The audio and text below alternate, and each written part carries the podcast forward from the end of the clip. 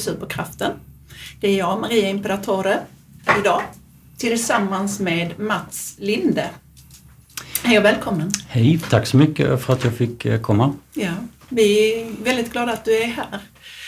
Eh, och anledningen till att du är här är ju från början faktiskt att du är Fannys mentor. Ja, jag är ju Fannys eh, mentor och studiecoach. Mm. Och um, det var ju som studiecoach jag lärde känna Fanny. Mm. Så. Så er resa började faktiskt lite innan hon började gymnasiet. Hur började det där egentligen? Uh, jag blev uh, kontaktad av vår fantastiska kurator på Rytmus, Daniel Mortensson, som uh, berättade att det, en, det, var en elev som heter Fanny som hade sökt Rytmus och de två eleverna som jag hade jobbat tajt med tidigare hade precis tagit studenten och Daniel gjorde bedömningen att jag skulle klicka bra och funka med Fanny. Mm. Och då eh, gick jag lite utanför boxen och mejlade dig Maria och eh, frågade om Fanny var intresserad av att träffa mig redan under vårterminen, A9. Mm. Eh, för att hon skulle få lära känna mig lite och jag henne och om hon överhuvudtaget eh, fick ett förtroende för mig. Så i samband med det så var det väl lite svajigt med, med hennes eh, eh, motivation för att gå i nian eh, och hon var väl inte så jätteintresserad av att gå på alla lektioner i nian. Mm. Så att vi schemalade henne ett par dagar i slutet av läsåret. Så hon kom till Rytmus då och eh, hängde lite med mig och vi var ute och käkade lunch och snackade lite så. Mm.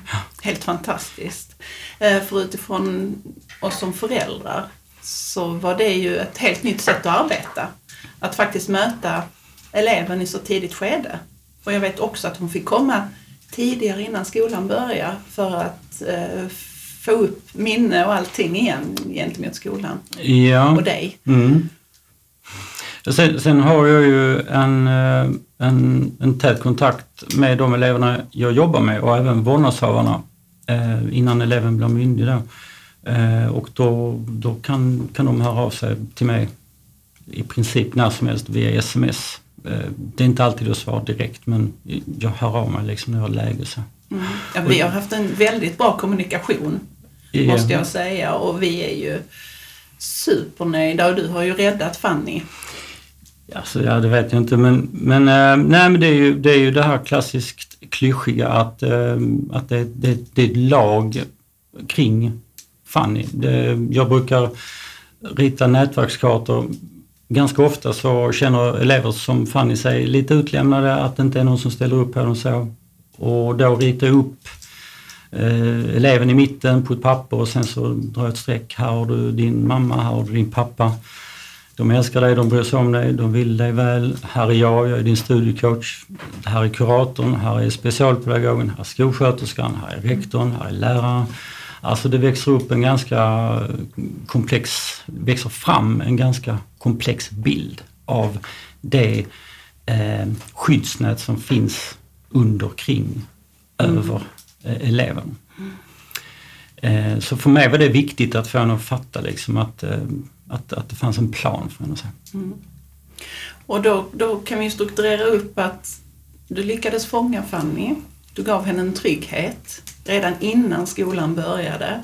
Och sen påbörjar hon sin utbildning. Mm. Jag vill komma lite till för att det som är, som jag känner, ja men hon hade Anna som jobbar med henne på högstadiet. Eh, men sen när man går vidare till gymnasiet så blir allting betydligt på ens egna ansvar.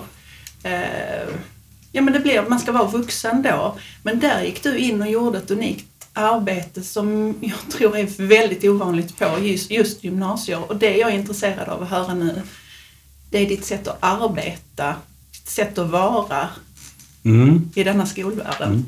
Mm. Tack så mycket, det var väldigt fina ord och nu blev jag nästan lite generad.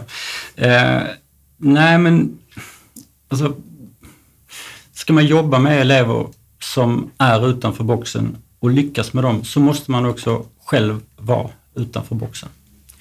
Eh, jag är ju själv ADHD, eh, så det är ibland en belastning men ibland också en tillgång. Jag brukar säga att det är ett tveeggat svärd. Det är en välsignelse om man svingar det åt rätt håll men, men ibland en förbannelse. Men det gäller att använda det på rätt sätt. Och det förstod Fanny för att hon, som många andra med inom NPF-spektrat, är extremt intuitiva och det är väldigt sällan det du säger som betyder någonting utan det är hur du säger det och hur du är. Uh, och så. Och får du väl det förtroendet så, så kan man börja jobba. Men innan dess kan man inte börja jobba med de här eleverna. Det är min uppfattning i alla fall. Mm. Så att då har du ju plockat fram dina styrkor måste vi säga. Vi pratar mycket om styrkor och svagheter mm. och i skolans värld så fokuseras det väldigt mycket på svagheter. Men vi säger att man fokuserat på styrkorna så har du kunnat komma betydligt längre med dessa elever. Och det har jag ju sett i ditt arbete med Fanny, Eh, hur du har anpassat och faktiskt plockat fram hennes styrkor. Ja, alltså har man ADHD eller om man är bipolär eller man har någon annan diagnos inom autismspektrat så, så är man liksom uppvuxen med att, att höra Oh, har du gjort det nu igen? Oh, kom du inte tid idag heller? Oh, kan, du all, kan du inte skärpa dig? Oh, alltså så. Mm. Och då, då skapar man ofta en, en eh, självbild som är eh, sjukt negativ och extremt kontraproduktiv. Uh, och de här välsignelserna och superkrafterna som jag brukar säga, de drunknar liksom i det här havet av, av, av, av det negativa som målas upp. Skolan idag har varit, är och kommer inom den närmsta framtiden att vara konstruerad eh, för människor som går i mittfåran, som är inom citationstecken normala, som eh, har lätt för att hålla tider, som kan navigera i digitala miljöer och så vidare. Och så vidare. Eh, och där, eh, där pratar man om en, en paradigm eh, och man pratar också om, om att eh, det krävs ett paradigmskifte för att skolan ska anpassa sig efter den tiden vi lever i. Eh, den skolan som finns idag som är konstruerad i början på, på 1900-talet den, den bottnar ju i industrialismen där allting gick på löpande band. Eh, alla skulle börja jobba samtidigt. Eh, alla skulle göra det de var tillsagda att göra i rätt tid och så vidare. Väldigt fyrkantigt och väldigt lite utrymme för människor med ett estetiskt sinne eller ett kreativt sätt att tänka på och så vidare. Eh, men EU har ju forskat i det här och kommit fram till att det krävs eh, ett antal olika framtidskompetenser, egenskaper i människor för att de ska lyckas i livet. Och eh, den forskningen pekar på raka motsatsen till det här fyrkantiga skolsystemet som funnits tidigare. Där man också haft väldigt hög tilltro till höga akademiska yrken som läkare, jurister och så vidare och då har det fått hög status och de som har varit intresserade av estetiska ämnen som musik, konst, bild, som jag som fotograf också, eh, har haft lite lägre status och det har betraktats som, som inte så, så fint. Mm. Men det, eh, jag är helt säker på att det kommer att ändras och det kommer gynna människor som Fanny också. Mm. Om vi ska gå tillbaka till det. Mm. Ja, för det gör det ju inte som det ser ut idag. Det får vi verkligen hoppas att vi kommer framåt. Och det är ju där du har gått in och gjort en väldigt stor roll.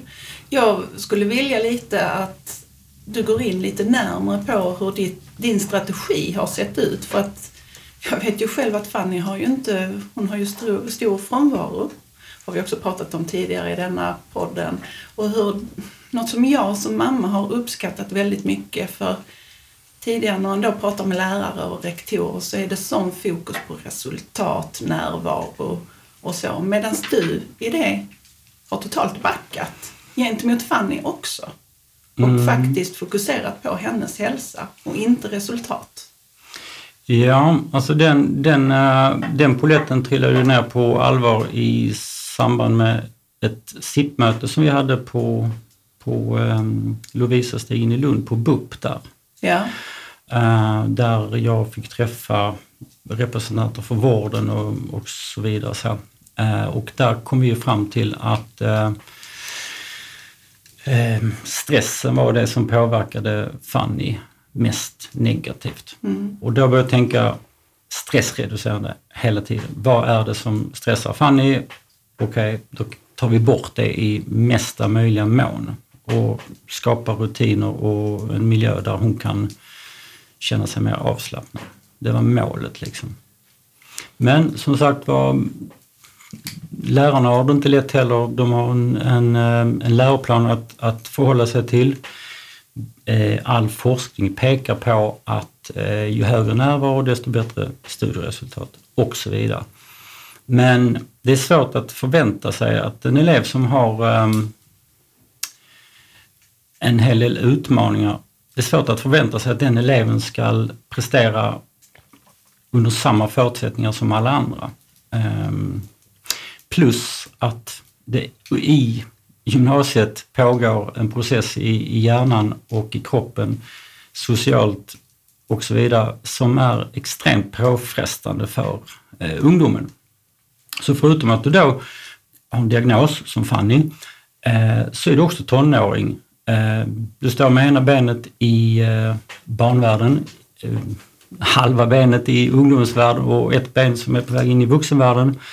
Eh, det börjar ställas andra krav på det och så vidare.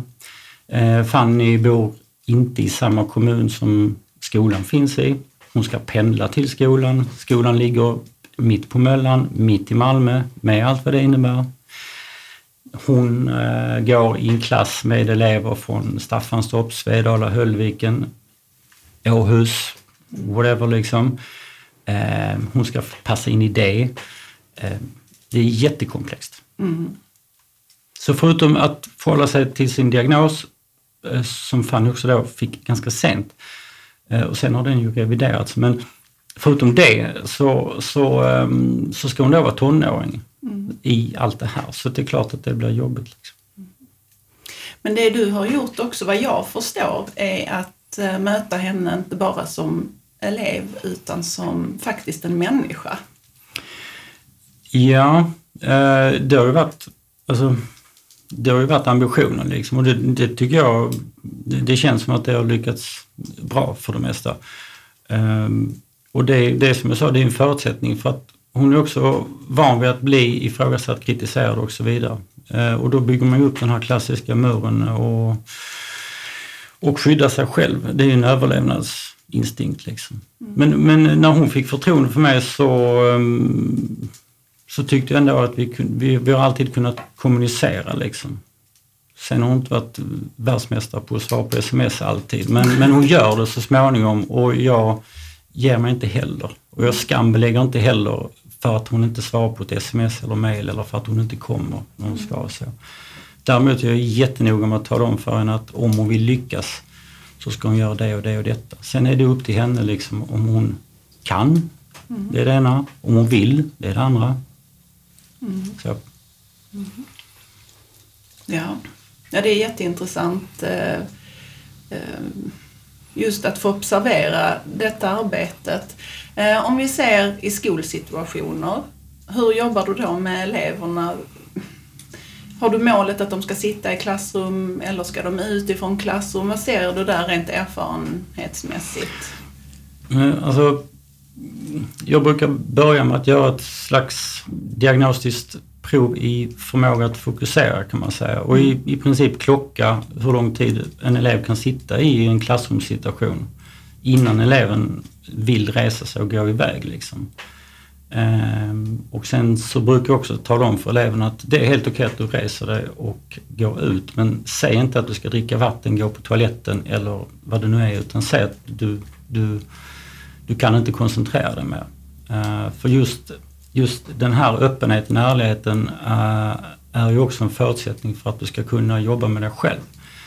Det är uh, så lätt att uppfinna ursäkter, ursäkter och förklaringar och bortförklaringar till, till beteende. Men om man inte ser beteendena för vad de är så kan man inte heller jobba med dem. Mm.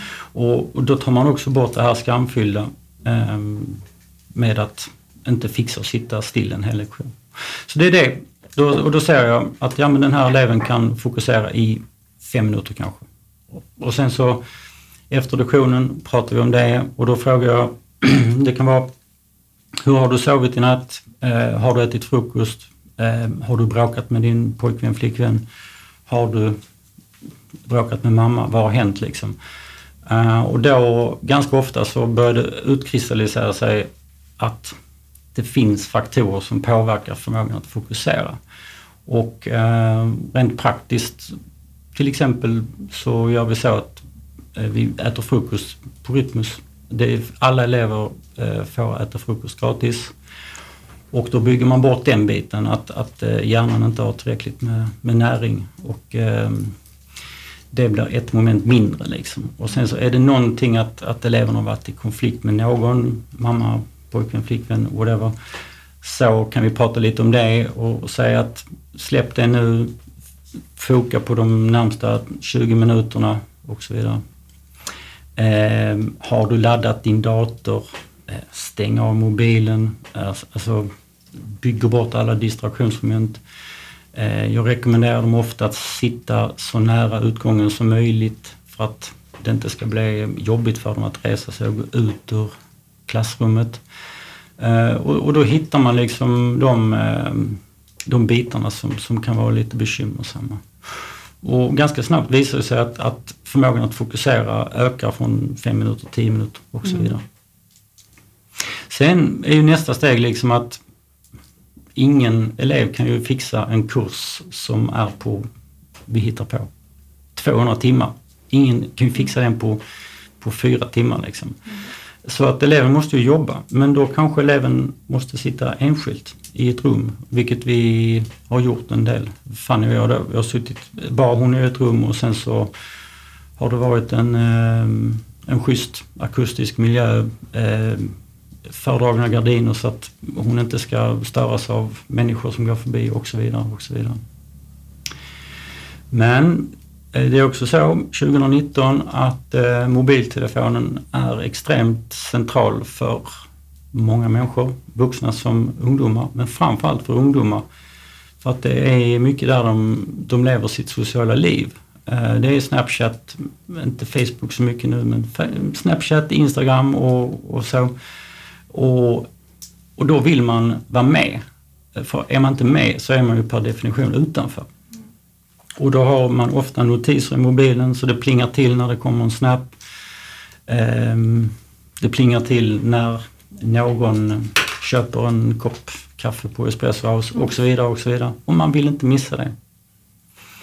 Och då ehm, råder det en myt eh, bland människor framförallt ungdomar som hävdar att, att, ehm, att man visst kan multitaska. Men det är en myt. Det finns inget som heter multitasking utan det, är, det, det heter switchtasking. Alltså om man sitter och jobbar med någonting och det plingar till i telefonen man tittar på den, då byter man fokus från sitt jobb till telefonen och sen måste man koppla på hjärnan igen när man ska börja jobba. Och den processen är ännu mer uttröttande för, för eh, elever med olika eh, diagnoser. Mm. Så. Um, så det är svårt. Det är svårt. Får du dem att stänga av mobilen? Um, alltså det är ju ständiga förhandlingar liksom. Det är ju det. Um, och det finns, det är samma där. Alltså jag tror ju inte på förbud rent generellt sett utan att man får försöka prata om det liksom och och få dem att förstå vinsten av att inte mm, sitta med mobiltelefonen. Så. Så, alltså hur, för det här, allt det du berättar för mig är väldigt logiskt för mig men är inte så logiskt i skolvärlden. Det kan låta som väldigt simpla knep du jobbar med men de är genialiska. Ja, alltså, ja, det vet jag inte men det, det, ja, det handlar om att, att inte ha någon, alltså att utgå från också klyschigt så att så det är nästan tråkigt att säga det men alla, alla människor är unika eh, och då har man också unika behov. Man kan inte, man kan inte följa en bruksanvisning för en elev som har en, en funktionsvariation utan den måste man skriva själv tillsammans med eleven. Det går inte att säga att ja, du ska göra si, du ska göra så, du ska ha en röd tröja på dig på torsdagar och sen så på, på tisdagar ska du äta ett äpple innan du går in på lektionen. Det går inte. Eh, och jag brukar säga att ibland så frågar människor mig, men hur kan du, vad säger du till den här eleven för att den här eleven har ju utvecklats hit och dit och så. Eh, vad säger du? Vad, hur pratar du med eleven? Och så. så brukar jag säga, jag försöker att inte prata så mycket utan lyssna. Eh, för det är det väldigt eh, få som har gjort tidigare. Mm. De är ganska vana vid att eh, bli tillsagda att de ska bete sig på ett visst sätt. Eh, men lyssnar man på dem så kan man också eh, göra anpassningar på riktigt. Liksom. Mm. Och det är väl här, eh, som du säger i början av programmet, att, att man måste kanske lite komma ifrån den världen själv. Sen finns det, vill jag inte säga, det finns jätteduktiga som inte är från oss och har, som har den här empatin och den här förståelsen. Men om du kopplar ihop detta så antar jag att du går från egna erfarenheter. Mm, jo, uh, nu fick jag ju min ADHD-diagnos väldigt sent. Uh, jag är ju 53,5 nu och fick den efter jag hade fyllt 50 liksom. Men så jag har aldrig haft några anpassningar i skolan. Jag har aldrig haft den typen av förståelse liksom. Men det gör ju också att jag förstår desto bättre själv mm. eh, och förstår vad eleven sätter värde på. Mm. Eh, och det handlar lite om att skaffa sig verktyg och att använda dem på rätt sätt och att inte se sig själv som ett, eller se på sig själv som ett offer. För den här stigmatiseringen att, att när människor hamnar utanför liksom gör att, att det, blir lätt att det blir lite bittert och det är sjukt destruktivt liksom. Um, utan var ärlig och säga till sig själv och alla andra att jag har de här utmaningarna och jag måste göra si och jag måste göra så. Uh, och alla förändringsprocesser har gemensamma faktorer. Och jag är själv nykter alkoholist sedan snart 11 år tillbaka. Eh, jag är lyckligt lottad som, som aldrig har tagit ett återfall. Eh, men det, det, det, faktumet gör också att jag, jag förstår hur komplex och komplicerad en förändringsprocess är.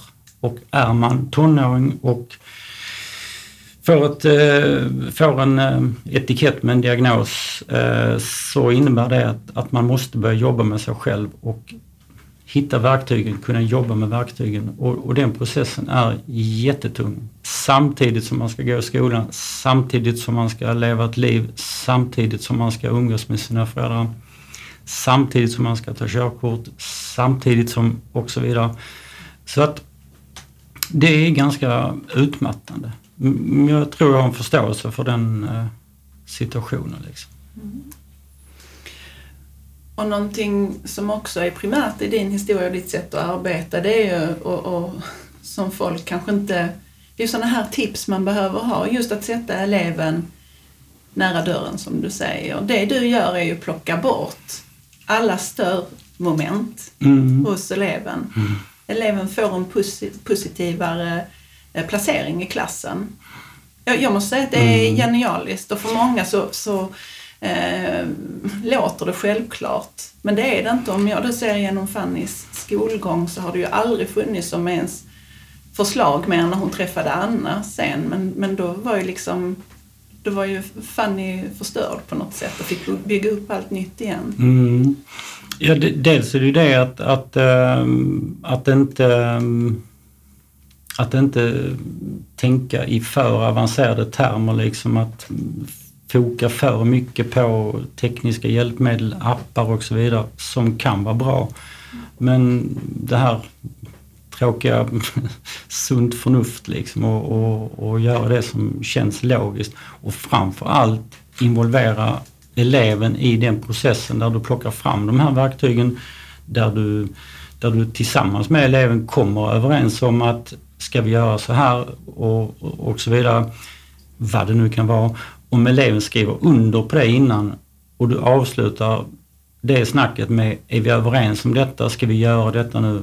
Och eleven då säger ja, då, då slipper du hela det här snacket efteråt om att eh, eleven inte har fått vara med och bestämma, eleven har inte fått tycka till och det är ingen som har lyssnat på eleven och så vidare. Och så, den enda eleven sviker i, i den situationen det är ju det är sig själv i så fall och, och vem vill göra det? Mm. Ja, det är en öppen dialog du bygger på. Men sen så också vad jag har... Vad som är så coolt, tycker jag, i, i ditt arbete med Fanny och som hon har eh, uppskattat jättemycket, det är ju just eh, att du berättar om dig själv Mm, till henne. mm. Att du kan... Det är inte bara att du sitter där som vuxen eh, och, och vägleder henne genom tomma ord utan du kan faktiskt referera till någonting och då kommer vi in på det igen att det är bra att vara utanför boxen. Ja, eh, jo men precis. Och det är dessutom så att barn och ungdomar gör väldigt sällan, eller aldrig, som vuxna säger, utan de gör som vuxna gör. Och om jag eh, är helt transparent, öppen med alla mina defekter och brister, men även mina tillgångar och så, då eh, blir det naturligt för eleverna att förhålla sig till, på samma sätt i kommunikationen, att vara öppen. Liksom. Eh, det blir lättare för eleverna att eh, prata om sånt som, som kanske betraktas som skamfullt. Om jag berättar att jag söp ner mig under ett par år men tog mig tillbaka, då blir det lättare för eleverna att prata om droger till exempel. Vilket gör det såklart lättare för mig att bemöta det. Eh, det är också någonting som, som är, är eh, väldigt vanligt förekommande idag eh, i den åldern. Så. Ser du någon stor skillnad just när vi pratar om alkohol och droger? Att, kan du säga det på skolan i sig generellt med elever då med MPF liksom? Att de Mm. söker sig mer till den här till det här med alkohol och droger. Alltså det, det är ju rent mänskligt så att eh, när någonting är jobbigt så kan man ju reagera antingen genom att bemöta det som är jobbigt och besegra det och, och stanna kvar och, och slåss och så här eller så, så flyr man. Ehm, och på stenåldern när- man mötte en björn i skogen eller vad det var så, så, då försökte man antingen ehm, döda den eller fly liksom. Men, men i, idag ser det annorlunda ut och mycket av eh, flykten sker ju inne i, i huvudet, i hjärnan liksom. Eh, när det är väldigt jobbigt med det sociala, det är, man har mycket press på sig från föräldrar, skola och så vidare och så vidare. Då har man inte så lätt för att stänga av hjärnan, vilket är en, ett dilemma om man har en eh, neuropsykiatrisk funktionsvariation. För man kan inte stänga av hjärnan, man, man saknar den knappen i nacken som stänger av tankeverksamheten. Och det kan jag ju förstå om någon att eh, när jag drack så stängdes hjärnan av, den släcktes ner liksom. Och det var jätteskönt i stunden. Eh, så att jag kan förstå den desperationen att, att man gör allt för att slippa tänka och slippa känna. När känslorna blir tunga och tankarna blir svåra och allting bara blir mer och mer komplicerat, då, då vill man bara fly ibland och då är eh, utbudet av droger på marknaden är massivt idag. Det finns så mycket, det finns så lättillgängligt. Eh, det är väldigt nära till hands. Plus att jag tycker att, att eh, det råder en ganska liberal syn på droger rent generellt liksom idag.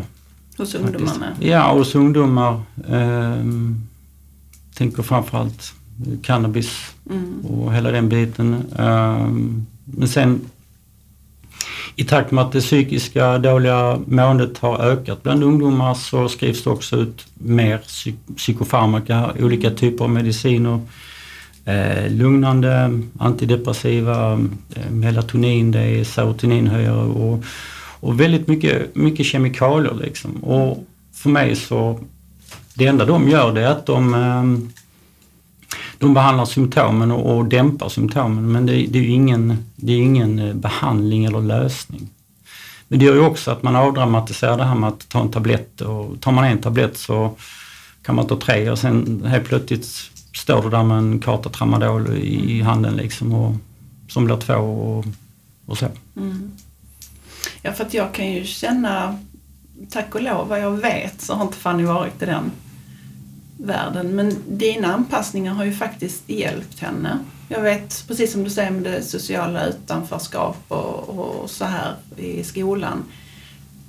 Så vad vi har pratat om här tidigare det är ju att de här ungdomarna och barnen har ett förstoringsglas så allting som egentligen inte är så himla stort, det blir ju tusen gånger större. Mm. Och så har jag ju uppfattat med Fanny, för så har vi haft en dialog.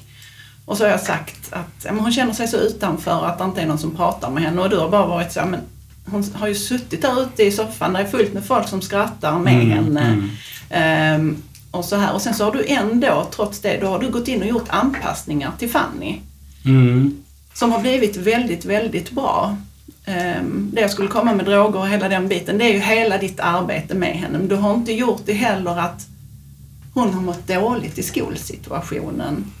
Vilket gör, alltså, i och med att man tillbringar så många timmar i skolan, eh, så har du fått henne att må bra där.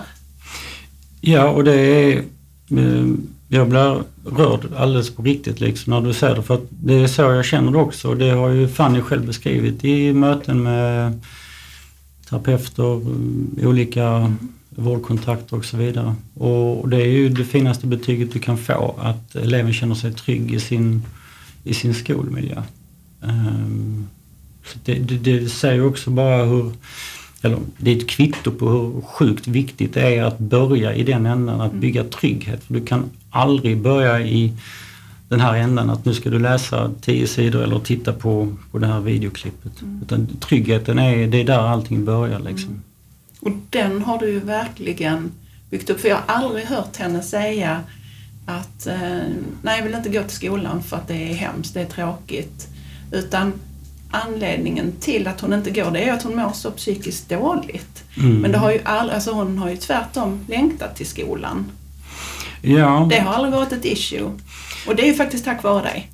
ja, alltså delvis såklart. Men nu hon har, haft, hon har, ju, har ju haft och har många omkring sig som ställer upp på henne med, med det praktiska och skjutsar henne också. Eh, Vilket, alltså, det är ju det också igen att, att det kan ju vara ett oöverstigligt hinder att ta en buss.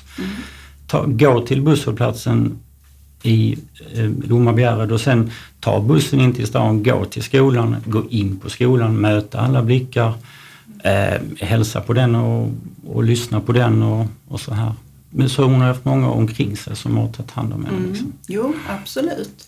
Och jag vet just, ja, men eftersom hon har den sociala fobin, liksom, precis som du säger med buss och gå bland folk, eh, så kommer jag ihåg en gång när jag körde henne och vi stannar utanför skolan och då känner hon bara så nej jag klarar inte att gå in där. Eh, så följer jag henne in och så är du där och möter Mm. henne och då är det precis som att det bara rinner av henne.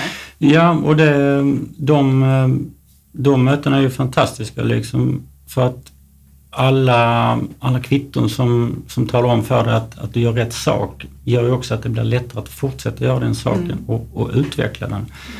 Ehm, Jag jobbar ju just nu eh, med en eh, tjej som har en diagnos inom autismspektrat och hon hade en väldigt låg närvaro i skolan tidigare men jag kom ju på det att alltså det handlade mycket om att hon pallade inte gå in genom dörrarna liksom. Mm.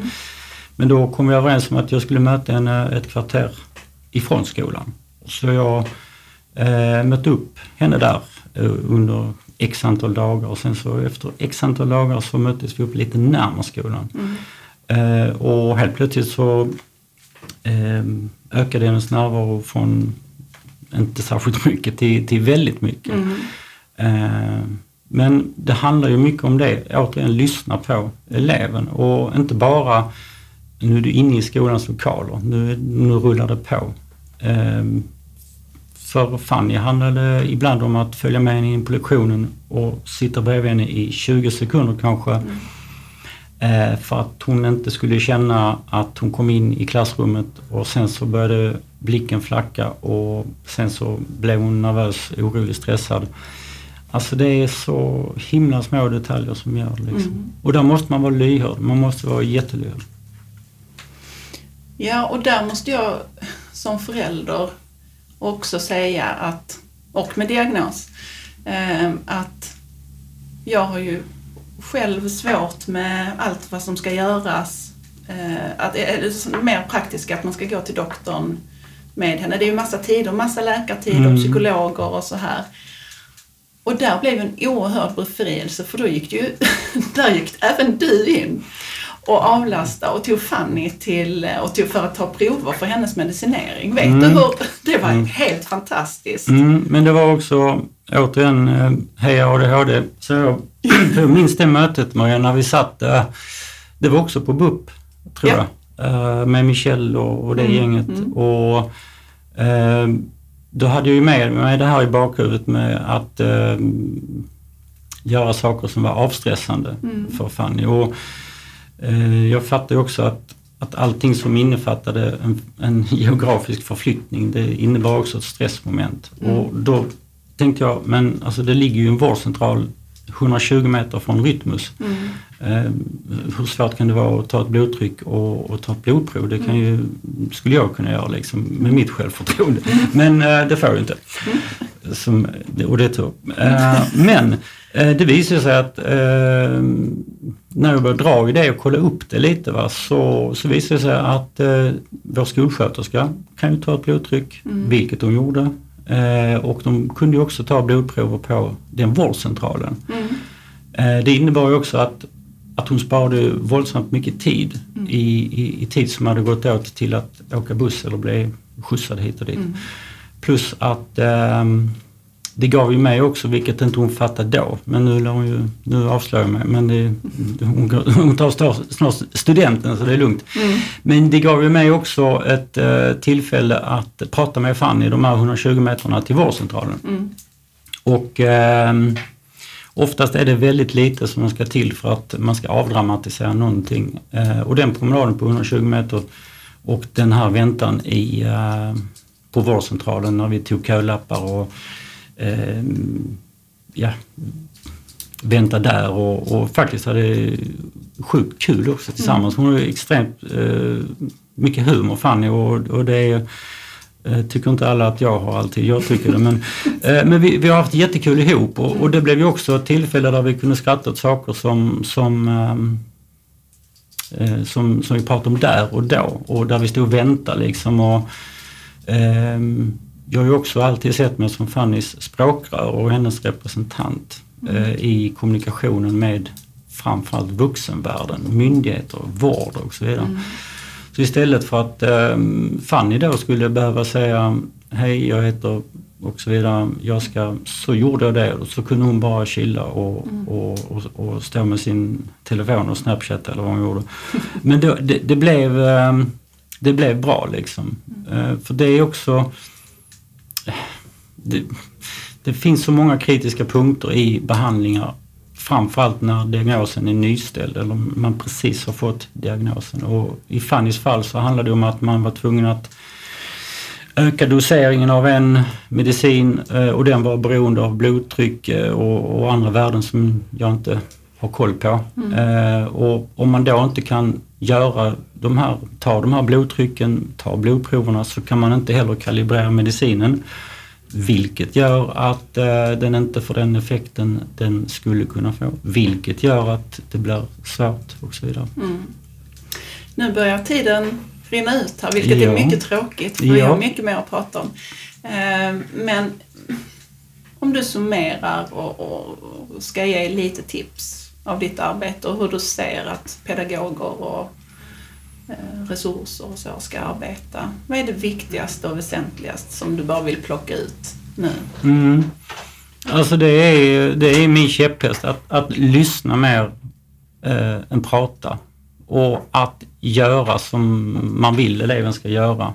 Det är det. Och även eh, vara utanför boxen så mycket som det någonsin går. Bry sig väldigt lite om vad andra tycker och väldigt mycket om vad magkänslan säger. Mm.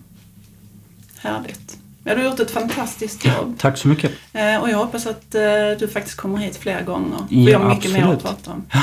Mm. Ett stort tack Mats. Tack själv. Eh, Och tack för att ni har lyssnat. Hej!